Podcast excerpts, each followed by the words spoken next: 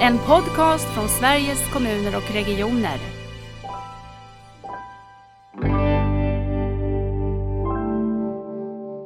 Jag vill beställa tre kilo mer trygghet. Det är ganska så svårt och där kommer vi också. Då är det så många andra delar som spelar roll. Eh, vi pratar för mycket om de här händelserna i relation till icke-händelser. Det vill säga, hur lite behöver folk gå till vården?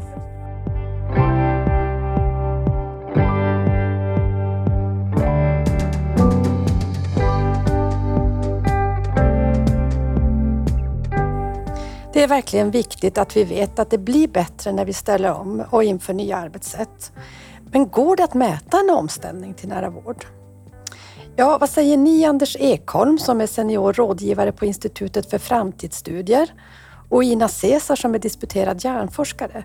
För ni arbetar ju just nu med en samhällsekonomisk analys av effekterna av arbetet med nära vård och specifikt hemsjukvården i Borgholm. Så går det att mäta hur långt vi har kommit och om det blir bättre? Det ska vi prata om nu i Nära vårdpodden som idag sänds live från Vitalis. Så det känns extra kul att få sitta här med er i en liten bur på mässan. Välkomna! Tack! Härligt att vara i en bur. Tackar, tackar. Det är lite som att känna sig som Musikhjälpen, eller hur? Lite så. Hörrni, berätta, vilka är ni? Anders? Ehm, Ja, eh, jag är nationalekonom, har jobbat länge inom välfärden, länge i staten, på regeringskansliet, på massor med olika departement och sen så har jag varit eh, faktiskt tioårsjubileer i år med att vara på Institutet för framtidsstudier där jag först var vice VD och sedan nu senior rådgivare sedan ett par år tillbaka. Men jag har också varit på IVO till exempel som analysdirektör och jag har suttit i lite styrelser och patientorganisationer. Just nu sitter jag i Diabetes Sveriges styrelse. Ehm, Så egentligen alla perspektiv utom det rent kliniska eftersom jag då är ekonom snarare och räknenisse snarare det. än Nationalekonom. nationalekonom. Precis. Du, Institutet för framtidsstudier, vad, vad är det för någonting? Ja, det, institutet eh, fyller 50 år i år. Eh, det var Alvan Myrdal faktiskt som instiftade det eh, då 1973. Och det var ju populärt då med att man skulle tänka lite längre och framåt och så vidare. Det har varit lite impopulärt ett tag nu. Man gör inte samhällsekonomiska analyser till exempel längre. Trafik, trafikområdet är kanske ett undantag. Det kom en ESO-rapport 2018 som liksom var väldigt förvånad över detta, att det liksom helt har försvunnit. Men nu börjar det faktiskt poppa upp igen. Jaha. Eh, vi är mer intresserade av framtiden igen faktiskt. Så det är väldigt roligt. Och framtiden är ju kul, för den är ju så lång också. Den är ju längre än vår historia, tror vi. Just det. Och börjar idag. Den börjar hela tiden, precis. Ja. Ja, det där får vi eh, komma ihåg och prata om. Därför att jag har tänkt mycket att vi borde ju också på något sätt göra scenarier och, och prognoser av framtiden när vi nu jobbar med omställningen till nära vård. För vi vet ju ändå inte eh, hur det ser ut där framme och vi behöver ju på något sätt förstå för att kunna ta rätt beslut. Mm. Att göra prognoser är också en test på din egen förmåga att förstå.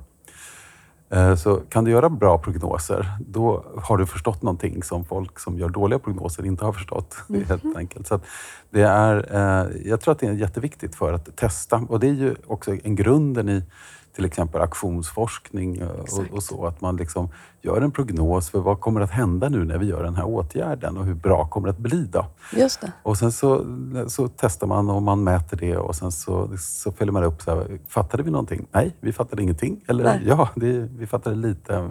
Kan vi fatta någonting bättre? Och så. Så att prognoser är också bra från det perspektivet. Att man får en test på sin egen tänkande och egen förmåga liksom, att förstå. Och måste ju bygga ihop hur vi förstår tillsammans också. Om vi får prognoser så kan vi också ha olika sätt att förstå den prognosen. Och sen så kan de vara självuppfyllande också. Ja. Så om vi ger en målbild till exempel. Ja, det är ju meningen med visioner ofta, att man ska liksom ha någonting, en gemensam målbild som man ska jobba emot. Och då är det lättare också att förstå hur ska just jag göra i min del av systemet om vi är på väg åt det här hållet. Så. Just det. Så tjänar väl flera syften, tänker jag. Ja. Spännande Anders. Och Ina, vem är du? Ja, Ina Cesar heter jag. Jag har inte jobbat så länge inom staten, skulle man kunna säga. Absolut inte så länge som Anders. Ehm, eh, och kommer från den andra sidan istället. Jag är hjärnforskare i grunden. Eh, har jobbat som hjärnforskare i ungefär ja, men lite drygt tio år, både i Sverige och internationellt. Och eh, det var ju väldigt kul. Det var ett väldigt komplext eh, system. Sen har jag bytt karriär lite grann. Gått över till ett annat komplext eh, system, det vill säga staten, sjukvård, regioner, eh, kommuner och sådana saker. Och jobbar nu tillsammans med Anders Ekholm. Så det började med ett regeringsuppdrag på IVO mm -hmm. om att införa datadrivna analyser och eftersom jag inte kunde så mycket om staten så behövde jag ju hjälp av någon som eh, hade jobbat väldigt länge inom staten, till då Anders Ekholm. Då började vi jobba lite grann tillsammans och nu jobbar vi ihop på lite forskningsprojekt på Institutet för framtidsstudier och ehm, ja, driver även ett företag tillsammans. Mm. Du hjärnforskare, vad har man i grunden? Är det biologi? Jag tänker hjärnan för mig har ju så många olika dimensioner. Det är ju psykologi också, men är det, var har du din naturvetenskapliga bas gissar jag? Ja, jag har en naturvetenskaplig bas. Jag är inte läkare utan jag är faktiskt kemist i grunden. Mm. Jag är biokemist. Så eh, hur stora molekyler samverkar?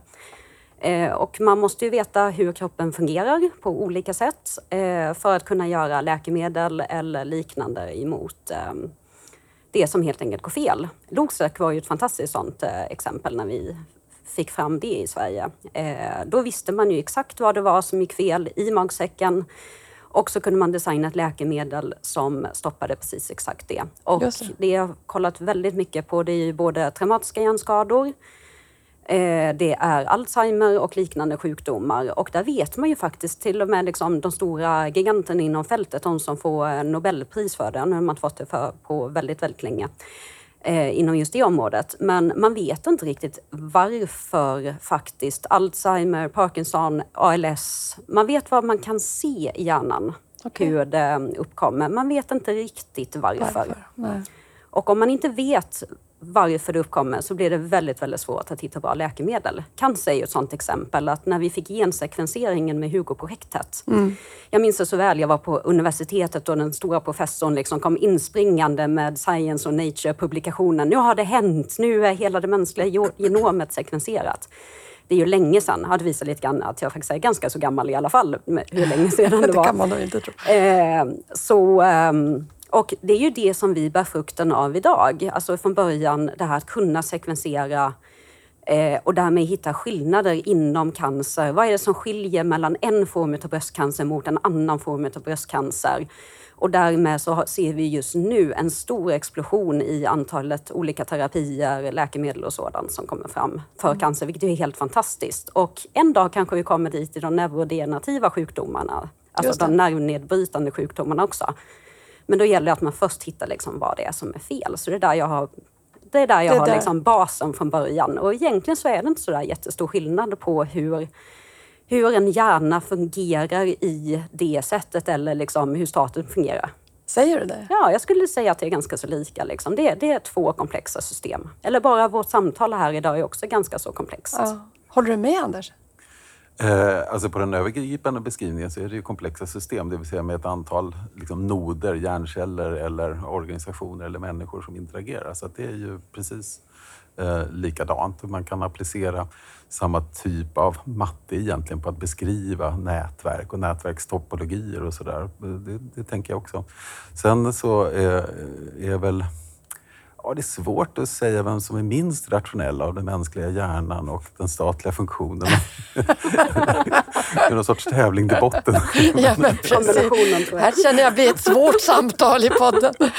Eh, hör, Anders, jag vill gå tillbaka till Ja, det började, jag vet inte hur länge sedan det är, men du var analyschef på Socialdepartementet, för du gjorde man prognoser på den tiden. Och du hade ett uppdrag att, eh, det var något som kallas LEV-rapporterna, visst var det så? Mm. Och jag vet att jag blev så himla intresserad och också engagerad av den första, jag tror det var den första rapporten som hette Empati och high-tech. Bara eh, namnet på den tycker jag är så engagerande. För det är ofta så att vi separerar de där. Antingen så vill vi vara empatiska och då har vi det fysiska och så har vi high-tech här.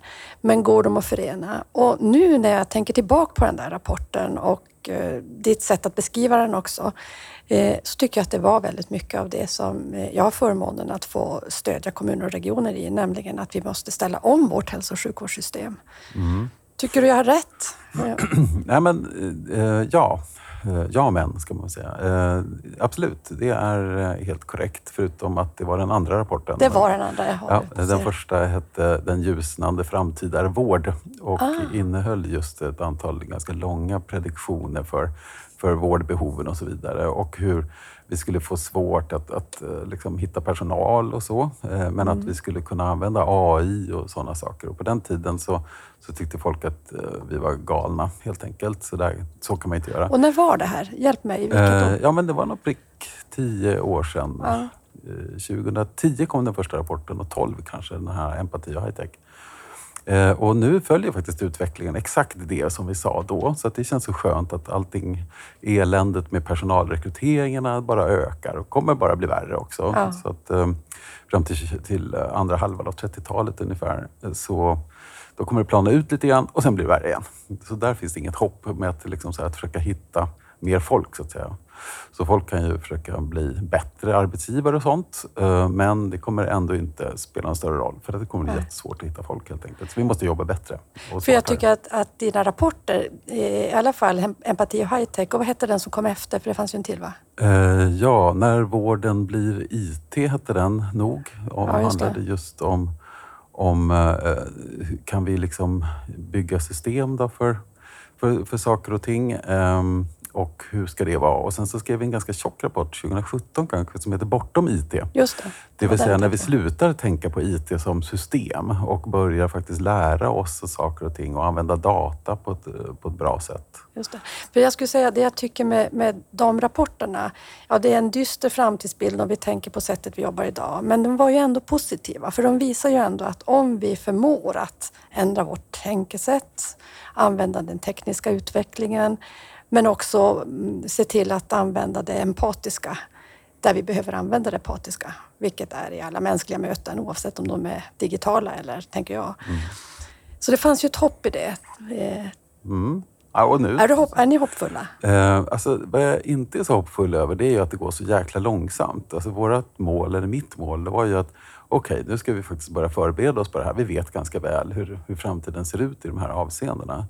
Men sen händer det ingenting e- egentligen och nu är vi ja, kanske nästan lite yrvaket så sätter vi igång och, och gör saker. Och både staten och, och liksom sjukvårdshuvudmännen är lite lika yrvakna. Och så liksom håller vi på och pratar mycket men det blir faktiskt inte jättemycket verkstad av, av det hela. Vare sig lagstiftningar eller, eller ja, men på golvet-verksamheten där ju egentligen all vård producerar Precis i mötet mellan professionerna, patienterna och systemet i vid mening. Mm. För vi ska fokusera på det här med om man kan följa om saker och ting blir bättre när vi nu ändå försöker göra den här omställningen och möta de här stora utmaningarna. Kan man det? Man kan ju mäta vissa saker förstås. Eh, Det där har vi ju hållit på här med Borgholm och eh, tänkt i snart, ja kanske ett år, nej, sex, sju, åtta månader eller något sånt där i alla fall, hur man skulle kunna utvärdera det som vi kallar för Borgholmsmodellen, vad det nu kan vara och, och så vidare. Och det som vi väl har kommit fram till nu i vårt arbete, och nu håller vi på med etikan, etikansökan och sånt där skitjobb.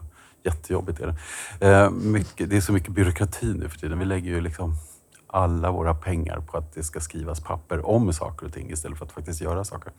Det är någon sorts sjuka som är utbredd, eh, också i resten av västvärlden för all del. Men, eh, och där tänker jag mig att vi kan beskriva det där i termer av för folk kan ju liksom inte efterfråga eller bedöma någonting som man inte själv har upplevt. Nej. Det har vi svårt för. Ehm, Så man kan inte fråga sig, tycker du att du får nära vård nu? Så bara, ja, jag tycker att du får jättenära vård för det, folk är ju precis bredvid mig. Just det. Eh, Eller vad, vad man nu kan ha för, liksom definition. Så det kan man inte riktigt göra. Men däremot så kan man ju försöka då hitta saker och ting. Kan vi minska restiderna till exempel för folk? Kan vi öka relationskontinuiteten? Eh, antagligen en viktig sak också. Eh, åtminstone i vårdepisoder. Att man, liksom, aha, man kanske blir, eh, går till en expert eller en specialist och då får man samma specialist hela tiden. Men sen går man tillbaka för det är löst eller liksom så, och då träffar man sin vårdcentral till exempel. Eh, och sen så tänker vi också, ett mått som jag är väldigt förtjust i, det är att mäta graden av arbete som anhöriga gör. Ja. Så vi eh, har, eller ska, eh, ta en enkät från Nationellt eh, kompetenscentrum anhöriga. för anhörigstöd, NKA, eh, och ta några frågor där som mäter hur mycket tid och hur mycket kostnader lägger vi ner på det där, eh, på liksom att, att hjälpa anhöriga. Och det är faktiskt ganska mycket tid. Vi tror ju att liksom kommunerna gör mest omsorg. Ja, Ungefär två tredjedelar av omsorgen görs ju av anhöriga. Vad hjälper det oss att se? Om vi ser det, eller vi vet redan idag att en stor del av, av insatserna till, till människor som behöver insatser görs av anhöriga. Vad kan det ge oss för, för insikter? Vad behöver vi använda den kunskapen till? Ja, men jag tänker mig att det är två saker va, som, som sker här. Och den ena saken är ju då förstås att, att eh, dels är det en kostnad. Va? Så folk går ner i arbetstid till exempel för att hjälpa. Så att, eh, man, eh, det, de, det, det som man har tittat på, det är ungefär 200 miljarder kostar eh, liksom den formella omsorgen ungefär. Och 200 miljarder kostar eh, då den informella omsorgen ungefär i storleksordningen. Eh, och om, om vi blir friskare till exempel genom mer preventivt arbete, om vi får bättre hjälpmedel, eh, om vi får liksom bättre stöd från det, liksom det formella, så, eh, så kommer ju det ta sig uttryck i ett tesen då, i att det minskar med anhörigas liksom, behov att hjälpa till. Och det skulle kunna vara ett liksom, samlat mått på hur väl funkar egentligen det här systemet. Så det, den, där, eh, den tycker jag är rolig. Eh, det har vi inte gjort ännu, men vi ska. Jag tycker det är intressant det här med det samhällsekonomiska, att vi tittar på något sätt på systemet mycket större. För det jag kan se när vi kämpar med att kunna följa upp eh, omställningen till nära vård och se vilket stöd vi kan ge, så har ju mycket av vår uppföljning idag fokuset på den insats vi ger, oftast i en del av systemet. Och då kan ju en insats se dyr eller billig ut. Men när vi tittar på effekterna på helheten så kan det vara ett helt annat resultat. Jag tar bara, vi har precis eh, tittat på eh, effekter av när man öppnar sådana sjukstugeplatser eller allmänmedicinska vårdplatser. Man har öppnat sex sådana i mitt hemlän i Haparanda. Använder man måttet kostnad per patient så är det en jättehög kostnad per patient. Men börjar man titta på vad får det för effekter på att man söker akutmottagningar, att man blir inlagd i specialistvården, att man använder specialistvård, ja då minskar ju de. Så, så, så resultatet på systemnivå är ju något annat än resultatet på verksamhetsnivå. Och det tänker jag att ni är lite inne på, eller hur, i era analyser? Ina? Ja, och sen har du ju en annan aspekt utav det också. Genom att man öppnar upp de här sakerna så kanske individerna som bor där får mer trygghet. Eh, det kan påverka värdighet och sådana saker. Och det är saker och ting som kanske inte... Jag menar, hur, jag vill beställa tre kilo mer trygghet. Det är Just det. ganska så svårt. Och där kommer vi också... Då är det så många andra delar som spelar roll än bara det som kanske kommunen eller regionen gör för några insatser. Eh, där spelar ju det sociala livet in. Eh, Anders nämnde ju sedan tidigare anhörigstöd och sådana saker. Och då måste vi anpassa vården och omsorgen så att individen också ges en möjlighet till att få trygghet, värdighet och sådana saker. Det kanske inte är insatsen primärt som alltid bara ska vara i centrum Ja. utan insatsen kanske måste ta och förändras så att man även kan hålla kvar sitt sociala umgänge med sina grannar, sina vänner, sina barnbarn och vad det kan tänkas vara för någonting. Tittar ni på de sätten, alltså de faktorerna, trygghet eh, och så, också när ni eh, jobbar i Borgholm? Och hur gör man det? Hur mäter man det? Ja, eh, vi ska skicka ut patientenkäter helt enkelt. Men igen, det är samma sak där. Att det, det där är ett jäkla svårt mått eftersom du inte vet hur en, den perfekta tryggheten skulle vara. Nej. Eh, Så, så det är också svårt att svara på det. Och ofta så är ju patienterna väldigt nöjda. Och de intervjuer vi har gjort med patienter i Borgholm, de är ju superdupernöjda. Även om de då och då liksom har historier om vårdskador och sånt som är ganska allvarliga så är de ändå väldigt nöjda. Och det där vet vi också från både enkäter och, och liksom andra intervjuer att eh, folk som får vård, de är väldigt nöjda med vården. De som är mest missnöjda med vården, det är de som aldrig går dit eller för all del kommer dit kanske om det är liksom, köproblem. Men, eh, så folk är ju nöjda med de här mötena, men vad, hur nöjda skulle de kunna vara? Det är Just det vi inte riktigt vet. Och då, samhällsekonomiskt kan vi ju titta på det genom just icke-händelser. Och det är ju egentligen det viktiga, för vi är ju så produktionsinriktade. Hela systemet är producentinriktat. Va? Vi fokuserar på personalen, vi fokuserar på schemaläggningar, vi fokuserar på effektiviteten i små, små delar och sådana saker. Vilket är, och inget av det där är ju liksom oviktigt, det är jätteviktigt. Men det viktigaste är ju förstås liksom, hur friska och nöjda och lyckliga eh, är, är vi liksom invånare, patienter. Eh, och för det är ju bara ungefär 30 procent av de totala kostnaderna för ohälsa som tas av sjukvården Ja, också. Så att precis. den, den, kostnaden uppstår ju på andra sätt, framförallt då i, i produktionsbortfall och så. så att, eh, vi pratar för mycket om de här händelserna i relation till icke-händelser. Det Mm. vill säga, hur lite behöver folk gå till vården? Just det, precis. Och det här ska vi experimentera lite grann statistiskt, hoppas vi. Eh, om vi då får loss massa data. Och då I Borgholm, vi, eller? I Borgholm, ja. I, eh, jämföra då med andra kommuner i Kalmar och deras patienter. Och sen så ska vi försöka då generera statistiska tvillingar.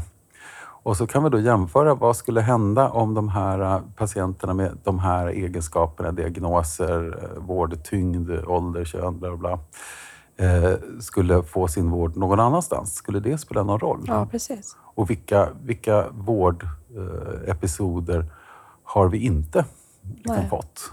För egentligen tänker jag hela nära vård handlar ju mycket om att skapa icke-händelser. För att Ja. blir man trygg, har man ökad självmakt och självständighet trots kronisk sjukdom, då, för jag vill ju inte vara i vården om jag inte måste.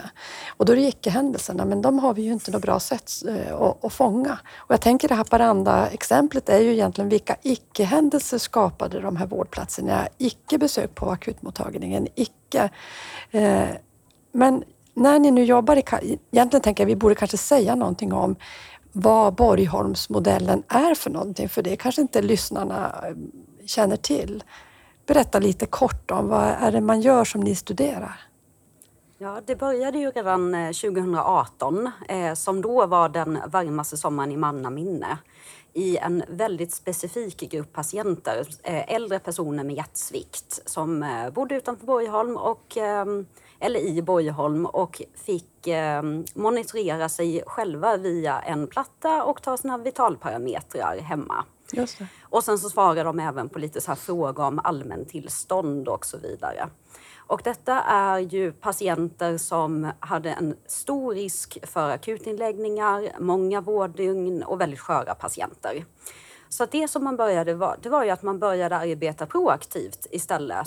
Så hjärtsviktspatienter eh, har en tendens att till exempel kunna binda ganska mycket vatten snabbt. Och genom att patienterna då bara ställer sig på en våg dagligen eller en gång i veckan eller vad nu som passar denna individen så kan man följa vikten. Och på det sättet, så om man ser att en patient eh, går upp otroligt snabbt i vikt så beror inte det på att de har ätit fyra pizzor dagen innan utan då har man bundit lite extra vatten. Och då kan Det kan bero på läka- att man äter fyra pizzor. Det också. kan göra det också. Plus Ja. att saltet i pizzan gör att man binder mer vatten faktiskt. Ja, men då eh, kan sjukvården eh, eller omsorgen då reagera på det sättet. Vilket gör att till exempel en sjuksköterska eller en läkare då kan ringa upp och fråga hur det är med och är det liksom att det är just eh, att man har bundit lite extra vatten och framförallt då en sommar som 2018 som var så pass varm. Ja. eh, Så är det otroligt viktigt. Man kanske får då en extra vätskedrivande tablett eller någonting sådant och på det sättet undvika en eh, akutinläggning. Så det var ju liksom själva det är grunden. Det var Ja. grunden och då är det liksom samverkan emellan eh, hälsocentralen eh, för att undvika akutinläggningar eh, eller inläggning inom specialistvården. Eh, och där kommer ju även kommunens arbete in för de här personerna har väldigt ofta hemsjukvård, de har hemtjänst och liknande. Så det är en stor eh, samverkan emellan många olika aktörer, många olika huvudmän. Och när man då när man börjar fokusera just på patienten och patientens mående eh, i högre grad än åtgärder eh, som vi så fokuserade av så, eh, så blir det också bättre eftersom man kan göra snabba åtgärder. Det vill Just det. säga ta en urindrivande tablett till. Eh, När, när då distriktssköterskan då på vårt eh, hälsocentralen då ser att nu har det gått upp och så kanske man slår en signal och så säger man har du ätit fyra pizzor? Nej, Aha, ja, men då är det nå- något annat då. Så ta en, en till Furlex, en urindrivande tablett. Och så kan man häva det här tillståndet och så slipper man eh, akutinläggningar. Då. Det. Och det såg man då också där. Så där, apropå det här med empati och high-tech, så, liksom, så genom att koppla ihop maskinerna, i det här fallet våg och blodtrycksmanschetter och sådana saker, eh, med den här plattan eh, och vården så kan vården vara mycket snabbare på att reagera. Det vill säga det. man tar tag i problem innan de hinner accelerera och bli dåliga. Man glömmer ju inte den här eh, kvinnan i Ragunda som SVT gjorde en, en eh, liten film om när man pratar om egen monitorering just vid hjärtsvikt. För jag tycker att hon börjar alltid med att säga hon har fått den här hjälpen då som man också ger i Borgholm. Och säger hon, min dödsångest har försvunnit. Och då tänker jag också de värdena. Eh, förutom icke-händelserna, icke-besök på akutmottagningen eller vad det kan vara, så finns det ju något oerhört starkt i livskvalitet. Eh, delarna. Ja, men verkligen. Och när vi varit ute också, vi har hängt med då distriktssköterskorna ut och, och, och åkt i bilen och tapp- träffat patienter. Och då säger de också att ja, men jag kan ringa till min eh, hemsjukvård i Borgholms kommun när som helst och, och få hjälp och så. Har du gjort det då? Nej, det har inte gjort. Så det, det viktiga egentligen är den här, som det brukar heta, försäkringsintäkten. Just det. Det vill säga att jag just känner mig trygg eh, med att eh, jag har en hemförsäkring till exempel, så brinner huset ner. Ja, då vet jag att jag står inte på bar backe utan jag får ett nytt hus så att säga. Ja. Men jag vill ju inte att huset ska brinna ner förstås, för att jag får valuta för försäkringen. Utan försäkringsintäkten är ju snarare den trygghet som skapas. Och det där bara att få ett nummer som man vet att någon svarar på och som man antagligen också har träffat är ju en oerhörd intäkt. Och det där har jag försökt också fundera på hur fan man skulle kunna mäta det. Men ehm, där går vi nog bet, utan vi kommer snarare fråga just om tryggheten eh, liksom överlag och försöka jämföra den då med andra hemsjukvårdspatienter. Men jag gissar igen då att det är svårt att jämföra det, för folk känner sig trygga, Trygga. på den nivå de, De är, just och i den verklighet de är Precis. eller otrygga. Så, så trygghet och oro är ju också både en sak som kommer utifrån, externt, men det är också förstås ett personlighetsdrag. En del är oroligare än andra. Ja, precis. Eh, Så, och då kanske vi... Ja, Och det går ju inte bara på diagnos, för jag vet att vi jobbade med ett projekt som handlar om att segmentera, att se de olika typerna av, av människor. Det är ju inte en typ som man föds till och alltid är, utan det kan också variera i livet. Men att vi har sån oförmåga att anpassa våra tjänster till olika personer, utan vi har ju som en tjänst som ska passa alla och där har vi också i någon typ av omställning. Ja, och sen så igen då, det är ju för att vi tycker jag hela tiden fastnar i det här produktionsperspektivet. För vad vi borde göra, det är ju inte bara att segmentera patienter förstås och liksom ta hand om dem efter hur de är och vad de vill. Så. Men också segmentera vår personal. Jaha. Så ofta så, så liksom pratar vi om så här, vi kan inte ha läkare som bara träffar 15 patienter i timmen på digitalt. Så här, hur ska det se ut? Det, är liksom, det vill ju ingen jobba med. Eller eh, vi kan ju inte ha läkare som bara träffar en halv patient i timmen och bara sitter och pratar jättelänge och skapar långvariga relationer. Och då tänker jag så bara, ja, vi kanske är lite olika. Även läkare kanske är lite olika. Exakt.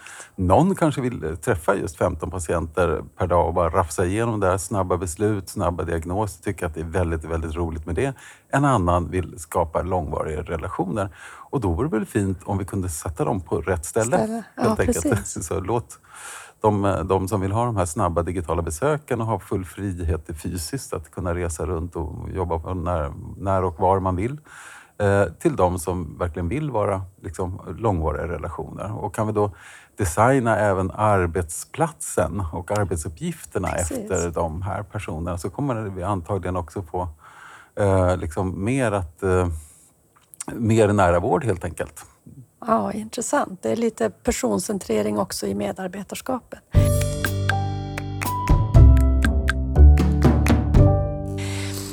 Funderar på det är ju uppdraget ni har i Borgholm. Eh, finns det en, ett politiskt uppdrag för, för eh, det ni gör där? Varför jag frågar därför att vi har ju också vant den politiska nivån att få mycket av produktionsdata eh, att fatta sina beslut på. Och det krävs ju ganska mycket att nu eh, i den politiska nivån känna jag vågar ha långsiktighet, det är icke-händelser vi tittar på. Allt det här som eh, politiken på något sätt ska stå, stå till svars för, att man har tagit rätt beslut. Och det är ju ändå alla tjänstepersoners roll att skapa den grunden för politiken. Har, hur, hur, har ni ett politiskt, eh, eller har man i Borgholm ett politiskt uppdrag? Ja, det har de. Vi har intervjuat deras socialnämndens ordförande också, Joel, och vi ska göra en till eh, uppföljande intervju med honom. Och då är ju fokus då på hur, hur kan man styra en verksamhet så att det får mm. faktiskt bättre? För precis som du säger, att eh, idag så är vi väldigt liksom, fokuserade på produktionsapparaten.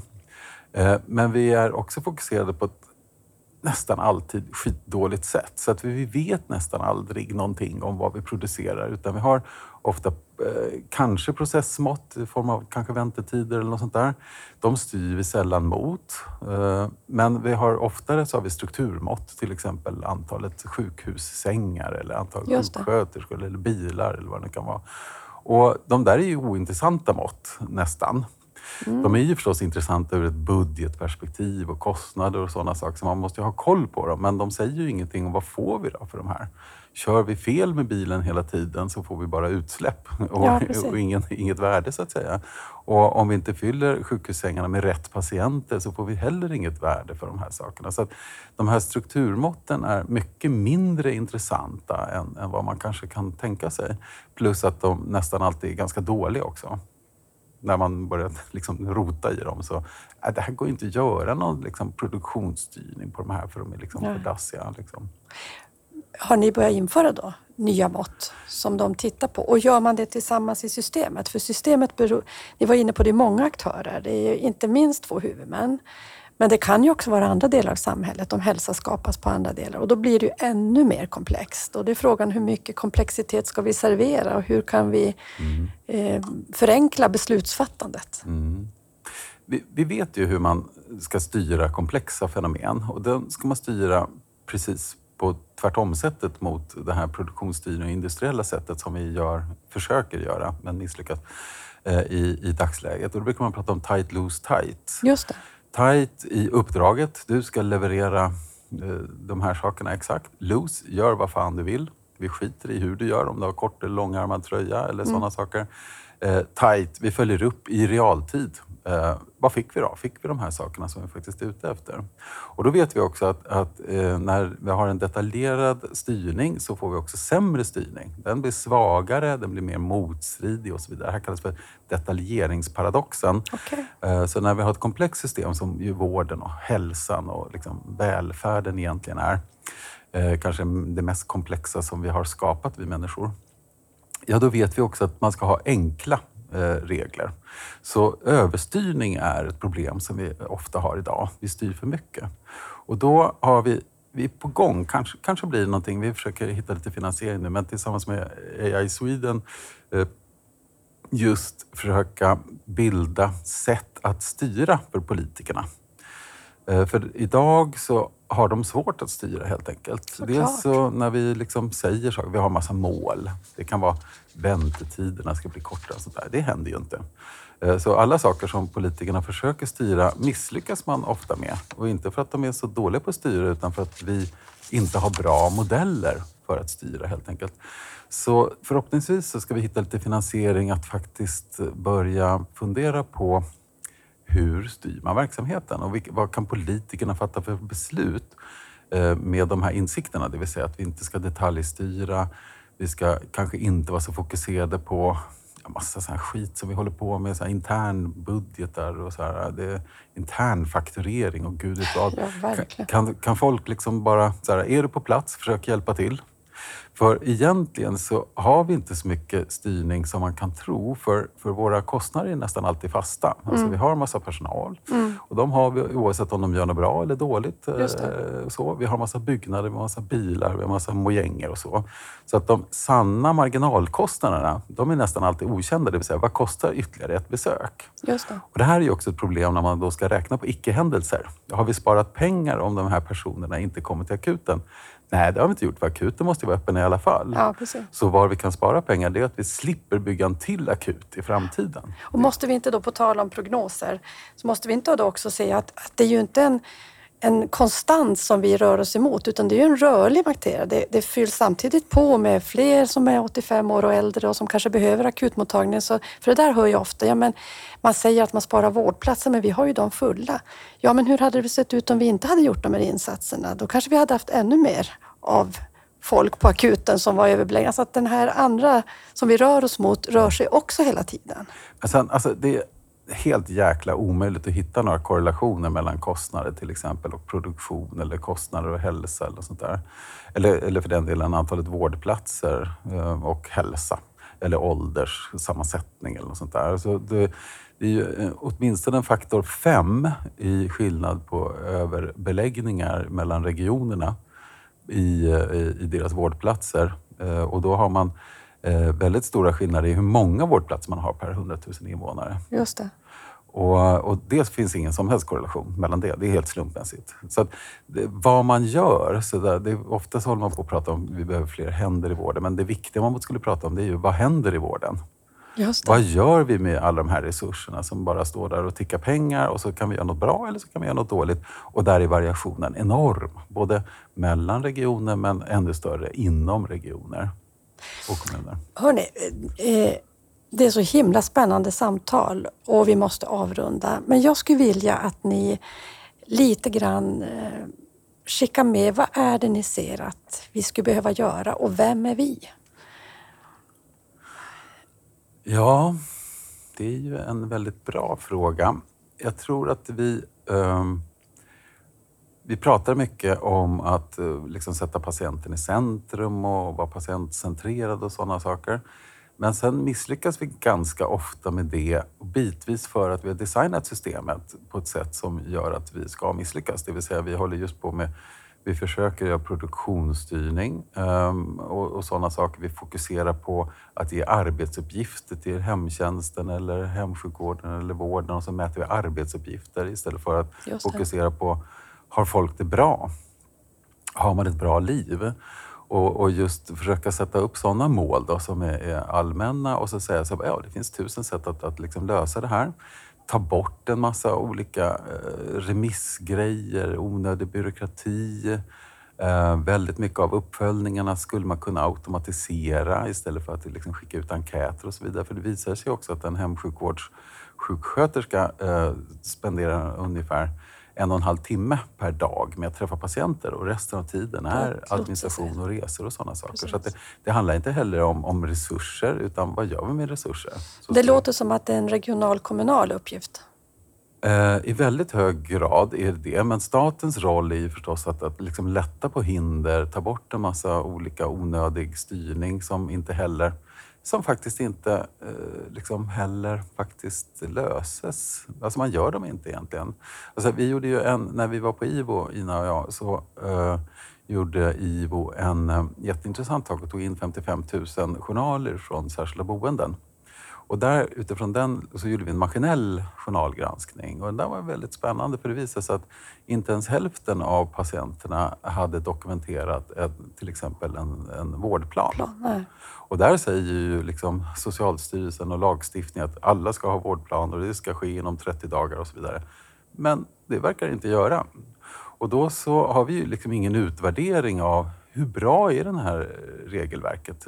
Liksom, ja, funkar det? Eller det kanske är så att ja, det här gör man jättebra. Man följer inte mm. regelverket, men gör det för precis rätt patient. Eller var lagstiftningen fel? Nu säger jag inte att det var i det här fallet, men det kan jo, ju också leda till en, en sån diskussion. Ja, men verkligen. Ja. Och det, men det upp, utvärderar vi nästan aldrig. Så det är verkligen ett ansvar både för stat, region och kommun. Jajamän. Så, vad tänker du Ina, så här, vad ser du skulle eh, behöva göras och av vem? Om vi koncentrerar oss på uppföljningsfrågan som en avslutande. Eh, jag tror att man ska Enka. sluta göra, Anders var inne på det lite, men att man ska sluta göra otroligt mycket saker och framförallt de sakerna som man redan vet att de kanske inte leder till någon större effekt. Nej.